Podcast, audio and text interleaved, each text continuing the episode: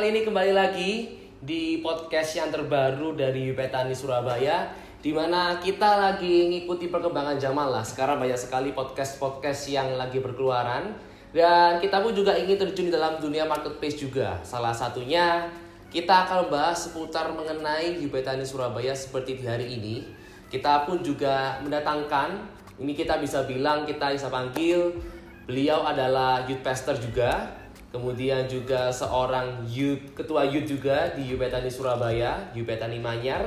Oleh karena itu, tanpa lama-lama lagi, langsung saja kita boleh berikan tepuk tangan lagi ya Ko Samuel Man. Oke, hai.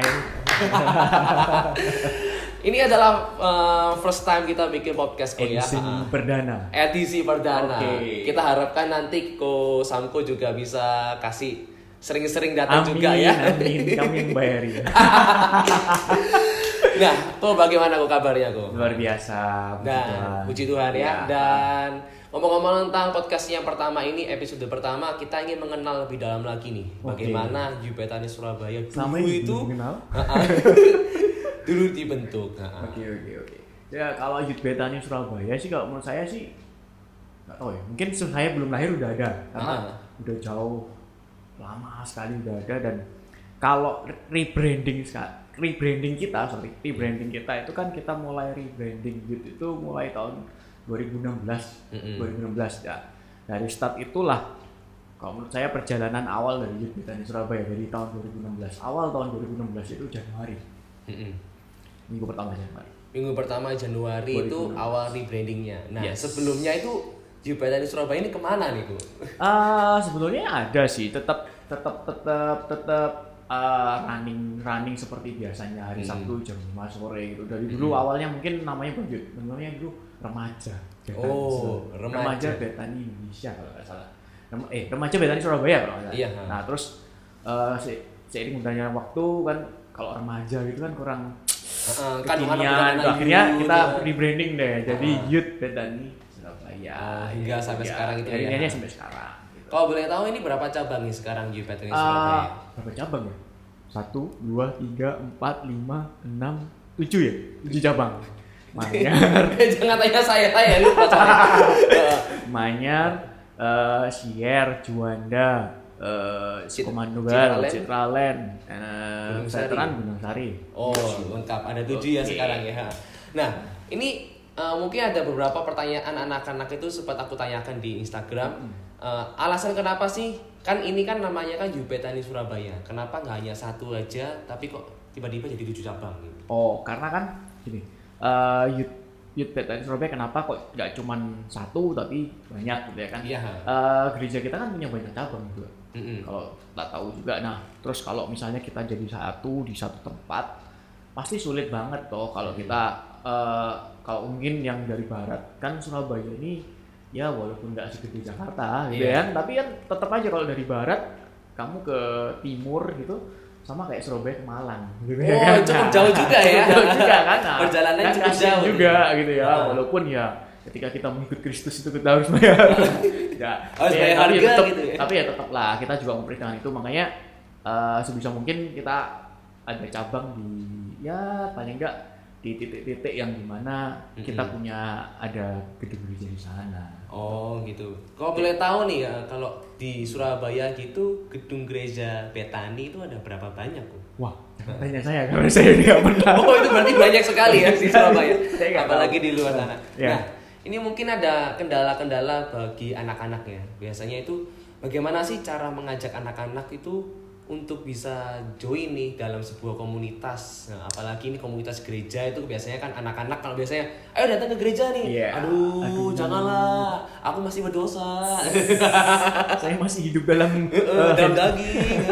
Aku masih minum alkohol. Ah, contohnya kayak gitu. Nah, kayak gimana? nah kalau menurut saya di sini ya itu sebuah tantangan buat kita ya karena kalau kita lihat dari survei juga kalau kita lihat dari beberapa apa ya penelitian-penelitian karena eh, yang saya baca semakin kemari nih semakin banyak orang muda khususnya yang generasi generasi milenial gitu Mhm. tadi yang mereka mulai nggak nggak lagi peduli dengan hal-hal yang istilahnya mereka bilang hal-hal yang keagamaan gitu. Iya. Nah, kalau menurut saya itu sedikit make sense karena hari ini mereka semua dituntut untuk uh, apa ya bikin sesuatu yang uh, menguntungkan buat mereka hmm. untuk generasi milenial terus dan nggak cuma menguntungkan tapi menyenangkan. Yeah. Nah itu sebuah tantangan bagaimana kita bisa uh, mengajarkan kepada mereka bahwa ketika anda berjemaat dan anda bergereja bukan cuma hmm. sekedar seperti apa ya hmm. ibadah gitu aja tapi anda dapat sesuatu di sana. Anda diperlengkapi di sana. Anda dibuat uh, semakin hari semakin tahu tujuan hidupmu di mana gitu. Dan hmm. pastinya kalau kita uh, datang ke sebuah komunitas gitu ya, kita pasti akan bertemu dengan teman yang baru. Kita akan yeah. pasti bertemu dengan orang-orang yang mungkin uh, belum kita kenal dan hmm. saya percaya dari apa ya pertemanan itu pasti ya namanya kalau anak muda berteman ya pasti yang pasti asik toh ya. pasti menyenangkan kan nah mungkin mungkin itu adalah apa ya ya usaha-usaha sebuah sebuah usaha yang kita kerjakan gitu ya mm-hmm. nah tapi memang eh, nggak uh, bisa lah kita itu menyenangkan semua orang gitu kan mm-hmm. nah tapi ya this is the best we can do jadi uh, banyak sekali ada orang-orang yang nggak bisa disenangkan juga salah yes. satunya. Berarti juga ada hatersnya di ya, pasti sini. dong. Nah, ini uh, mungkin kita baru ngomong tentang haters nih. Yes. Apakah ada case-case khusus kayak kasus-kasus di mana ada nih uh, dari di luar sana mulai kayak ngasih ngasih kayak, aduh udah janganlah kamu lakukan ya. Nah. Ya kalau menurut saya sih uh, istilahnya haters gitu ya. ya wah haters kok jelek banget gitu ya masa ada uh, ada ada ada ada sesuatu yang baik di haters gitu ya tapi mungkin dari apa ya komunitas-komunitas yang lain gitu ya kalau menurut saya sih it's okay gitu ya kalau menurut saya it's okay mereka mau berkomentar apa gitu. yang hmm. penting uh, bagaimana kita mau konsisten untuk mengerjakan apa yang jadi visinya kita. Hmm, jadi nah. uh, bisa di highlight kalau misalnya yang dari yang Pak katakan Kusangku bilang itu hmm. adalah konsisten ya, konsistensi yes. dalam melakukan yes. sebuah ha visi dan misi untuk mengejar sebuah visi itu tadi. Nah, visi misinya dari Petani ya, apa? Petani Bukit Petani Surabaya itu punya satu visi yang ya kan kita ini youth, ibaratnya youth itu kan kita ini ada di bawah dari gereja gereja pusatnya kita ya. Yeah. Gereja pusat kita Betani kan punya sebuah visi itu successful Betani families gitu kan. Nah, uh, kita nggak jauh. Anak youth juga punya keluarga juga ya. Ya kita bukan kita bukan makanya saya makanya saya bilang kita punya visi yaitu turunan yang untuk menuju ke sana gitu. Yeah. Makanya kita punya visi build a successful generation with Christ character. Okay. Kita sedang membangun uh, sebuah generasi yang sukses tapi nggak cuma sukses tapi juga punya karakter Kristus nah mm. itulah tujuan yang kita kejar gitu dan, mm. dan ya ada banyak usaha yang kita lakukan gitu ya dengan uh, ada kita punya sebuah komunitas yang namanya BYC hmm. gitu ya. BYC itu kepanjangan apa nih? Mungkin soalnya beberapa okay. dari kita kita kan masih hmm. belum tahu BYC, BYC ini apa. itu adalah komunitas kita yang namanya Bethany Youth Community ya. Di iya. sana kita bisa sama-sama uh, sharing, kita sama-sama belajar tentang hidup gitu ya kita nggak saling menggurui yeah. tapi kita saling uh, mau belajar satu dengan yang lain okay. kita uh, diajar untuk mungkin kalau mungkin yang nggak pernah bisa berdoa gitu kita yeah. belajar sama-sama berdoa kita sama-sama belajar mungkin yang nggak bisa main gitar bisa bisa belajar oh, gitar oh iya juga, gitu. kan kita juga ada nah, yang pelayanan musik ya nah, nah tapi uh, yang lebih dari itu kita juga uh, belajar tentang kehidupan sama-sama okay. belajar bukan menggurui tapi sama-sama saling belajar eh kehidupanku uh, ternyata bisa dibuat belajar oleh orang lain loh gitu hmm. dan saya juga bisa belajar dari kehidupan orang lain nah dari sana saya percaya uh, kita akan semakin diberkati kita semakin bertumbuh kan kita semakin jadi pribadi-pribadi yang lebih baik lah luar biasa sekali okay. dan ini sih uh, aku juga pun sempat keingatan dengan satu mindset dari Pastor Jeffrey Rahmat okay. yang dikatakan bahwa mindset kita itu nggak boleh untuk mengubah orang yes. bukan untuk mengkhotbahi orang. Yeah. Tapi tujuannya itu bisa mengubah orang. Dan, okay. dan itu sangat uh, menurut kosanku ini sangat relate banget sih dengan apa yang dikatakan oleh Pastor Jeffrey Rahmat. Ya, kalau menurut saya seperti uh, sangat relate banget karena gini, kalau menurut saya gini, uh, kalau kita pengen orang lain berubah, kalau menurut saya uh, oh, langkah awal dari perubahan orang lain yang ada di sekitar kita itu dari bagaimana kita merubah diri kita sendiri. Mm -hmm. Nah, bagaimana kita merespon terhadap orang yang pengen kita rubah. Nah hmm. itu itu itu sangat menurut saya itu sangat berkorelasi satu dengan yang lain. Hmm. Nah sekarang menurut Koko apa sih tantangan yang dihadapi oleh anak muda zaman sekarang itu? Sekarang Hmm, menurut bukan cuma anak muda sih kalau Hmm. menurut saya saya juga muda kayaknya Oh iya, Belum. kau boleh tahu umur berapa? kamu bercanda.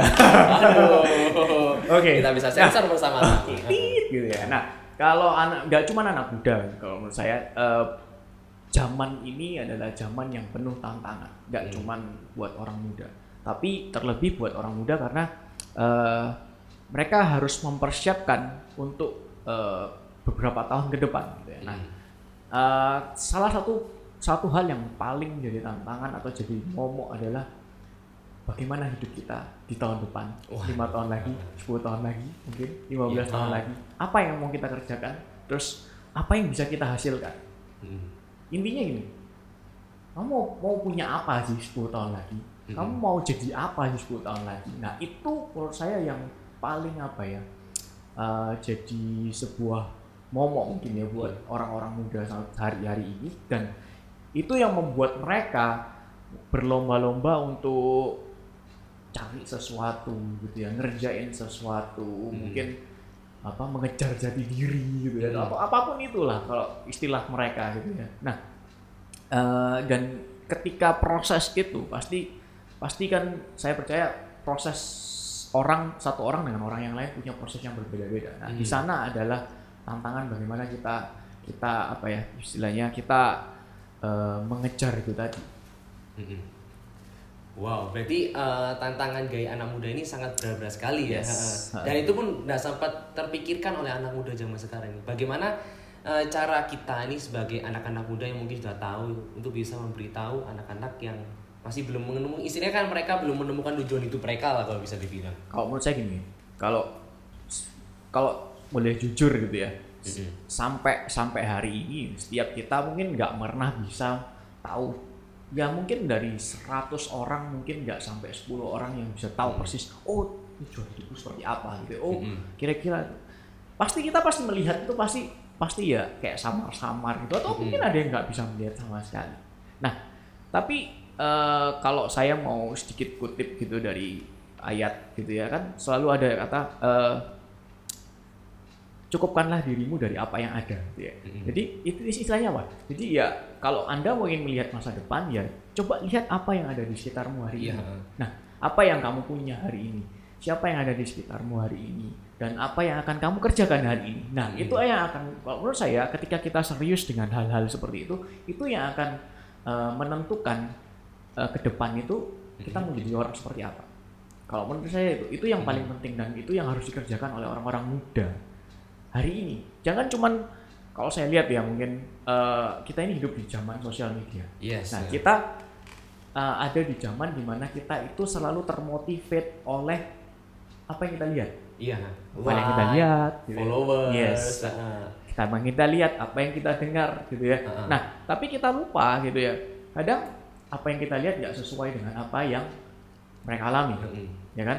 Dan apa yang kita lihat mungkin nggak orang bilang nggak seindah aslinya, gitu ya kan? Hmm. Nah, itu yang perlu kita waspadai supaya kita Hmm. nggak terjebak dalam pemikiran-pemikiran yang salah kalau saya bilang karena Hmm. itu itu satu hal yang bisa merugikan diri sendiri. Misalnya gini, Hmm. kita kita lihat satu role model gitu. ya. Hmm. Even itu seorang seorang Tuhan mungkin ya, Hmm. seorang pendeta mungkin. Terus kita, wah pokoknya saya harus jadi seperti si A gitu. Hmm. Wah terus hidupnya dirubah semua. Eh, belum tentu loh kita punya jalan hidup yang sama. Tapi Iya. kita harus punya es apa nilai hidup yang sama itu yang paling Mm-mm. penting. Jangan meniru sebuah bentuk, tapi nilai, tirulah sebuah nilai atau sebuah esensi. Itu yang paling penting untuk kita menghadapi masa depan kita. gitu. Nah, nilai-nilai itu apa ya? Supaya untuk bisa disamakan gitu. Ya paling penting gini loh. Paling penting menurut saya bagaimana kita eh, apa ya? eh, meng- dalam kita ber- menghadapi hidup. Contoh, kita ketika kita berinteraksi dengan orang lain gitu ya. Mm-mm. mungkin kita bisa belajar eh, dengan siapa pun loh. Mm-mm. Kalau menurut saya mulai anda ketemu dengan anak yang mungkin usia 4-5 tahun Iya. sampai anda bertemu dengan kongkong gitu Hmm. mungkin atau emak-emak yang usianya sudah 80 tahun. Ketika anda setiap kali anda bertemu dengan orang-orang tersebut, apakah anda punya sebuah kerendahan hati untuk mau belajar dengan mereka? Oh, walaupun oke. anak kecil iya. dan walaupun orang yang sudah tua ketika kita ngobrol pernah nggak sih kita ini pengen belajar sesuatu dari mana atau kita merasa oh ketika kita bertemu dengan orang kita selalu merasa oh oh saya ini pas saya ini misalnya pintar, saya ya. ini saya ini lulusan Harvard ah, Harvard Ah. gitu oke atau apa atau Oxford dan lain sebagainya Mm-mm. oh kalau ketika ketemu orang gitu ya ah, kamu tahu ITHP apa sih ya. Gajah kamu tahu apa gitu ya kan kamu tahu apa sih kamu tahu apa sih nah Hmm. kalau saya ketika kita punya sifat-sifat yang seperti itu itu akan Hmm. menghalangi kita untuk belajar sesuatu Iya. dan ketika kita berhenti belajar maka kita akan mulai untuk eh, nggak mudah untuk bersyukur Mm-mm. dan kita nggak Oke. mudah untuk apa ya eh, melihat eh, apa yang jadi kekurangan kita Mm-mm. apa yang harus kita eh, pelajari, apa yang harus kita rubah. Karena Mm-mm. menurut saya orang yang gagal adalah bukan orang yang nggak punya duit menurut saya, Iya. bukan orang yang eh, nggak pernah juara, gitu ya, nggak pernah dapat sebuah prestasi, tapi menurut saya orang yang gagal adalah orang yang nggak pernah mau belajar.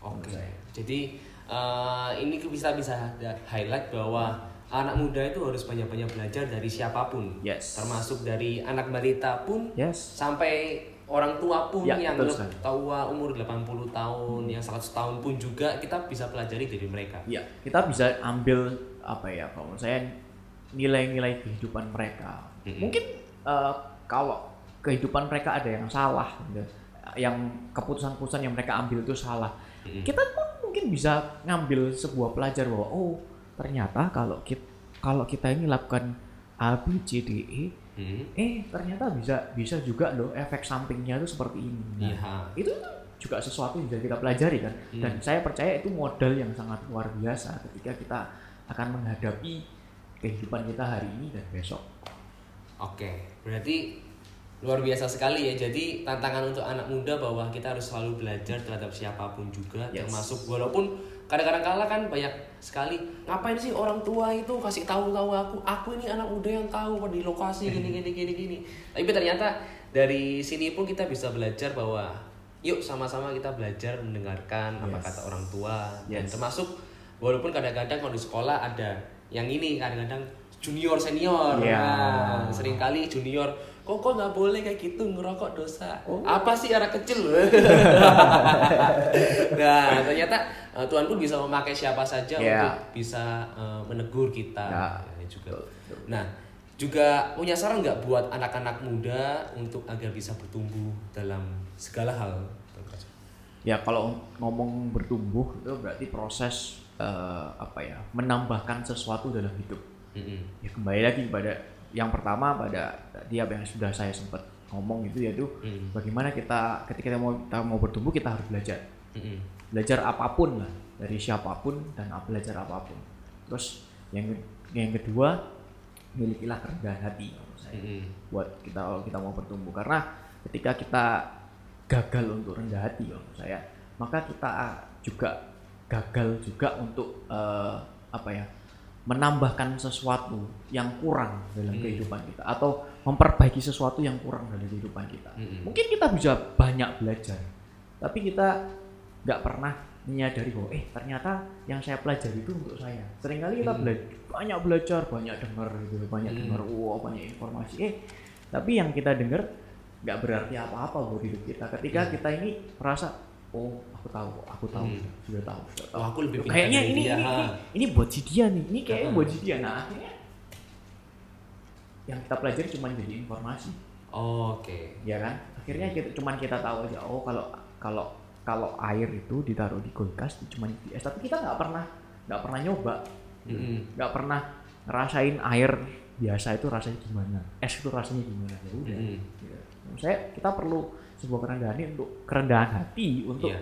eh, juga eh, merefleksi hidup kita dan eh, yang terus yang ketiga kalau menurut saya kita harus tahu gitu kita ini mau ke mana Oke. ya kan lima tahun lagi mau ke mana Iya. sering kali eh, orang-orang zaman sekarang pasti punya satu mindset seperti Wallace gitu ya Eh, Aku Slow, mengalir aja. gitu ya, mengalir aja Air karena ke mana aku mengalir. Karena mereka eh, sendiri juga nggak pernah tahu gitu ya, mereka maunya apa dan Mm-mm. mereka juga ngerasa bahwa ya udahlah sekarang ini kan udah enak gitu ya Iya. udah udah wis saya gini-gini aja deh Mm-mm. gitu ya. Nah, eh, itu juga sangat menghambat kalau menurut saya sebuah pertumbuhan seseorang karena Hmm. ketika dia eh, ber- itu kan zona nyaman, Nyaman. zona aman gitu ya kan. Nah, ketika berada di zona aman, zona nyaman itu eh, orang tuh cenderung untuk jadi orang yang nggak produktif. Mm-mm. Betul nggak? Contohnya misalnya gini, eh, kita punya sebuah toko nih, Iya. kita punya sebuah toko yang rame gitu ya. Mm. Nah ini kita ngomongin kerja gitu ya. Tokonya rame banget. Ya. Nah Hmm. eh, kita sebagai pemilik itu kita merasa seneng kan kalau Iya. toko itu rame. Wah, cuan oh, toko, nambah. yes, toko belum buka gitu, yang beli udah ngantri. Mm. Tapi tahu nggak, ketika kita itu eh, berhenti untuk berinovasi, kita berhenti untuk bereks, berekspansi dan ketika kita berhenti untuk mendengarkan apa yang menjadi keluh kesah mungkin makanya kalau Hmm. kita lihat di beberapa uh, restoran atau Hmm. beberapa toko atau di mana pun itu mereka selalu kasih yang namanya kotak saran atau mungkin Oh, atau iya. mungkin sekarang zamannya sosial media gitu ya Hmm. mereka kan pasti ngasih hotline gitu ya kan Hmm. hotline apa gitu ya nah itu tujuannya apa sih untuk kita mau denger kita mau belajar dari mereka kita kurang apa nah Iya. sama ketika kita merasa bahwa oh tokoku ini udah rame kayaknya nggak perlu deh ini Hmm. sudah aman nggak perlu ditambahin mungkin misalnya tokonya dulu pakai AC-nya cuma satu dulu Ah. rame orang banyak komplain kita cuma di nggak apa deh AC satu aja kita Bisa rame segini. bisa rame Ah. bisa bisa untung segini enggak Hmm. ngapain kita keluar lagi udah Ya mending kita ganti aja AC-nya pakai kipas angin. akhirnya begitu tiba-tiba orang mulai mulai ada apa namanya eh, toko online gitu ya Iya. online shop pelan-pelan deh Nah. tergerus dan akhirnya ya itu sebuah sesuatu kemunduran dan akhirnya tokonya sepi dan Mm-mm. tutup. nah sama dengan kehidupan kita zona nyaman itu kadang-kadang ketika kita merasa eh slow aja deh Iya. hidup gak usah eh, apa gak usah eh, ngotot-ngotot ngoyo-ngoyo nah kalau menurut saya di sana mulai start awal kemunduran atau eh, kegagalan kita di sana nah itu dia mungkin tiga hal itu lah Mungkin tiga hal ya. Jadi eh, sering kali kita pun juga anak muda untuk bagaimana cara bertumbuh. Nah, menurut Koko nih, bertumbuh itu kan juga adalah sebuah kesehatan. Nah, Ya. Ini ya. Menurut Koko, kesehatan itu penting gak sih? sangat penting Mm-mm. ya kan buat apa kita belajar buat apa kita memperbaiki diri kalau kita terkapar di rumah sakit buat Ah. apa terus apa Kerja gunanya keras-keras 24 Iya. jam gitu tiba-tiba berapa tahun kemudian di rumah sakit. jangan jangankan jangankan kita mau ngomong eh, masalah bertumbuh gitu ya Heeh. anda punya uang banyak tapi anda terkapar di rumah gitu Hmm. nggak usah sakit yang manis anda sakit mah aja terkapar di rumah ya pasti nggak nggak nggak ada gunanya gitu anda Hmm. punya banyak uang atau anda punya atau banyak apa yang sudah punya gitu ya kan Hmm. cuman bisanya terpa- terkapar ya kesehatan itu sangat penting kalau menurut saya dan eh, bagaimana kita menjaga kesehatan itu Hmm. juga eh, bagian dari bagaimana kita memperbaiki diri Hmm. kalau kita bisa jaga diri eh, kita jaga kesehatan kita contoh nih kalau orang muda kan biasanya eh, pasti selalu merasa bahwa dirinya sehat Iya. Wah, nah kan I'm Kayak- strong dan dari Nah, kita lupa gitu ya kadang-kadang eh, sesuatu yang nggak sehat malah kita makan gitu. Nah, Oh. nah itu yang membuat yang M Donil itu ya. KFC. FC. nah itu dia kayak fast food fast food gitu kan. Heeh. Biasanya orang muda oh, pokoknya yang simple simple aja. Akhirnya Heeh. kita cari yang cepat cepat cepat cepat cepat cepat. Nah, yang fast fast fast itu tadi. Heeh. Ya nggak cuma itu deh. Segala sesuatu yang pas. Nah, itu dah. Seleraku. makanan terenak di dunia. Jam segini enak nih kalau jam Oke. 10 kayak gini. Bawa Nah, Indomie. Oatmeal boleh dibikinin Indomie? Oke. Yang instan-instan bagaimana? ya ya itu tadi yang fast ya pokoknya yang embel-embelnya fast itu Hmm. pasti nggak baik tadi sama tadi kembali lagi sama proses bertumbuh Mm-mm. ketika bertumbuh eh, sesuatu yang bertumbuh atau jadi besar Hmm. dengan waktu yang cepat pasti eh, efeknya juga pasti kurang baik kalau menurut saya Oh. sama dengan makanan gitu ya makanan diproses dengan cepat pasti Mm. ada hal-hal yang eh, nggak baik di dalamnya kalau menurut saya ini juga sama kali dengan pengalaman saya dalam dunia bisnis ya. Iya. Cepet grow-nya, uh, tiba-tiba ketika suatu saat ada orang baru yang buka, tiba-tiba jatuh. Dan Oke. ini nih, mau tanya juga uh, bagaimana nih cara Ko Samku ini bisa refresh mind, refresh yourself itu gitu. Apa yang dilakukan?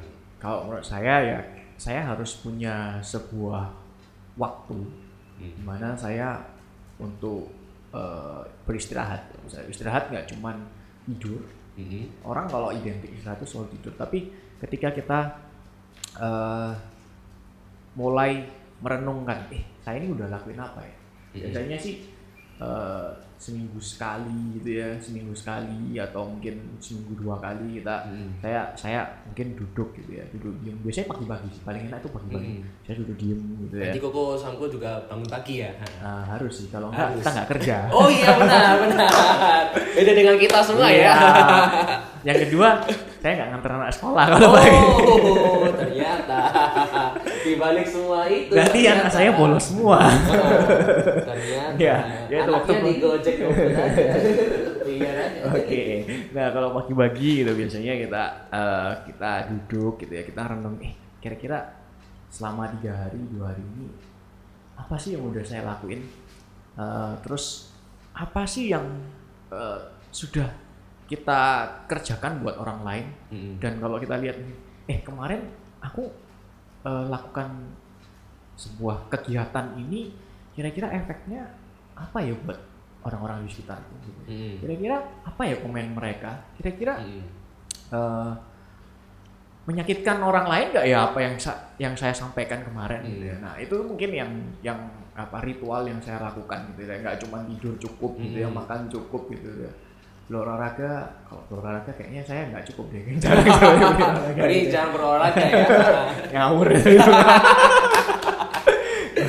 nah tapi ya mungkin itu salah satu cara, cara saya untuk merefresh dan kalau kita nggak punya eh, waktu yang cukup untuk untuk take time gitu ya untuk Hmm. merenung eh, itu bagian dari korek mengkoreksi diri oh iya Hmm. kayaknya apa yang saya lakukan ini nggak nggak nggak nggak baik efeknya buat Hmm. orang-orang sekitar saya kayaknya saya harus eh, merubah cara saya mungkin Hmm. saya harus merubah cara hidup saya atau mungkin gini ketika saya sedang mengalami sebuah problem gitu ya ketika ketika saya mulai take time untuk mulai merenung kira-kira oh iya ya apa ya yang menyebabkan saya ini sampai kena sebuah problem dan Hmm. dan saya harus berpikir nggak cuman direnung-renungin terus baper gitu ya enggak Hmm. tapi mulai pikir eh next stepnya apa ya saya harus lakukan apa ya Hmm. bangkitnya gimana caranya nah itu tuh itu, itu sih mungkin yang yang sering kali ya yang nggak cuman sering yang selalu saya lakukan gitu ya Itu berarti setiap hari ya, setiap saat. setiap ya? saat sih mungkin Ya, ya seminggu sekali. sekali, seminggu Hmm. dua kali gitu tapi ya eh, setiap hari kan kita pasti berdoa dan sebagainya dan tapi mungkin beberapa saat itu saya perlu take time untuk untuk diem untuk merenungkan gitu ya. Dan itu juga perlu dicatat tuh enggak kok? Kadang-kadang. Eh, kadang-kadang kita catat. Eh, sekarang nggak dicatat ya Oke. itu diketik di HP Oh iya, diketik di HP kemudian ketik di HP mungkin ditaruh di notes gitu oh ya Ah. supaya kita ingat oh iya ya kemarin saya punya sebuah resolusi loh saya harus lakukan ini Hmm. oh ya, ya mungkin itulah Nah, ngomong-ngomong tentang resolusi nih, kita kembali lagi ke yang tadi, yang di mana Yupetani Surabaya itu. Ya. Apa nih resolusi yang diharapkan atau target di nantinya yang ingin dicapai oleh Yupetani Surabaya? Eh, ya pasti kalau ngomongin tentang target ya kita harus eh, mencapai atau kita harus bisa menghasilkan sesuai dengan visinya kita yaitu Mm-mm. membangun Mm. sebuah generasi bukan cuman sekedar membangun sekelompok orang tapi Mm-mm. membangun generasi ini ah membangun generasi itu ya nggak nggak peduli kamu mau dari aliran A B C dan D dan Mm. kita mau sama-sama membangun Mm. membangun sebuah generasi yang punya karakter seperti Kristus nah itu itu yang apa ya yang yang menjadi sebuah resolusi kalau menurut saya dan kalau mau tahu caranya bagaimana saya pun sendiri tidak punya tips and trick yang Mm-mm. spesifik kalau menurut Lima saya cara jitu Iya, untuk 10 menambahi cara jitu.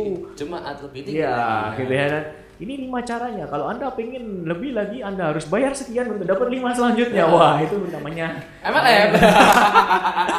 Emang kita mau jualan gitu ya? Enggak, tapi uh, kalau menurut saya ya kita tinggal lihat aja siapa orang-orang yang di sekitar kita. Hmm. Siapa yang uh, apa ya?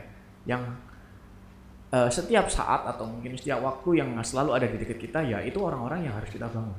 Dan kita harus kasih mereka juga mengedukasi mereka bahwa ketika anda dibangun dari saya anda harus juga membangun orang lain hmm. yang ada di sekitar anda. Dan itu seperti apa ya ibaratnya seperti mata rantai gitu yang harus kita kerjakan. Nah, dan itu adalah satu-satunya cara yang sangat jitu kalau menurut saya.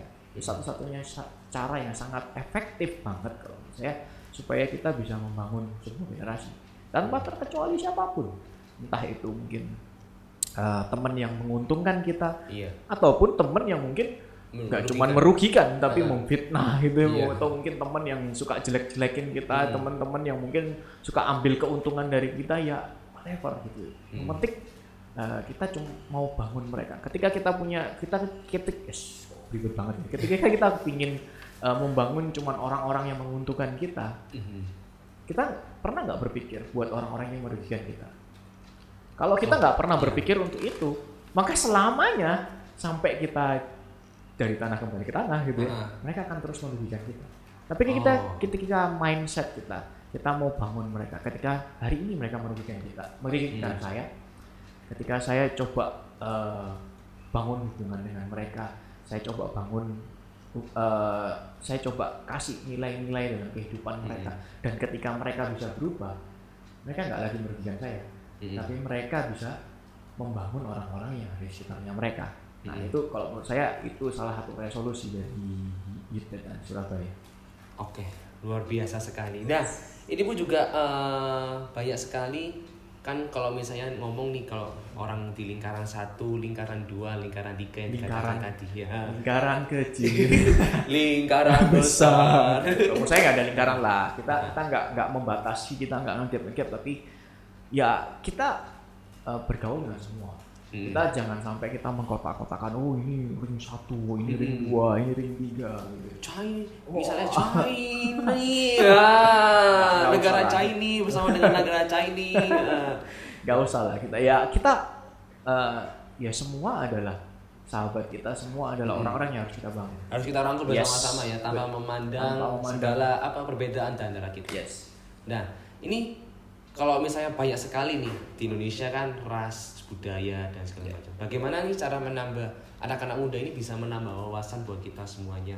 Bagaimana cara kosamku agar anak muda sekarang-sekarang itu bisa mulai memiliki wawasan yang luas? Gitu? Oke. Okay. Nah, uh, kalau menurut saya gini, Indonesia adalah satu negara yang sangat luar biasa. Hmm.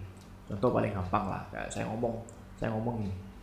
Kalau uh, kita ngomong uh, negara contoh kayak Singapura dekat-dekat. Hmm. Mereka pasti terkenalnya apa? Chicken rice, ya yeah. kan? Nah, terus kalau Negara besi, uh, enggak makanan. Kita oh, makanan, makanan. Wah, ini udah ini, udah ini, kamu, ini, kamu enggak lapar ini. Oh, lapar ini, kan? Nah, kita ngomong makanan dulu aja. Indomie udah Oke, kita ngomong makanan aja deh. Uh. Kalau makanan gitu ya. Contoh kayak Singapura, itu pasti terkenal dengan chicken rice. Mm -hmm. Terus kalau India itu terkenal dengan kari, kari, kari, kari, kari, gitu kari. ya.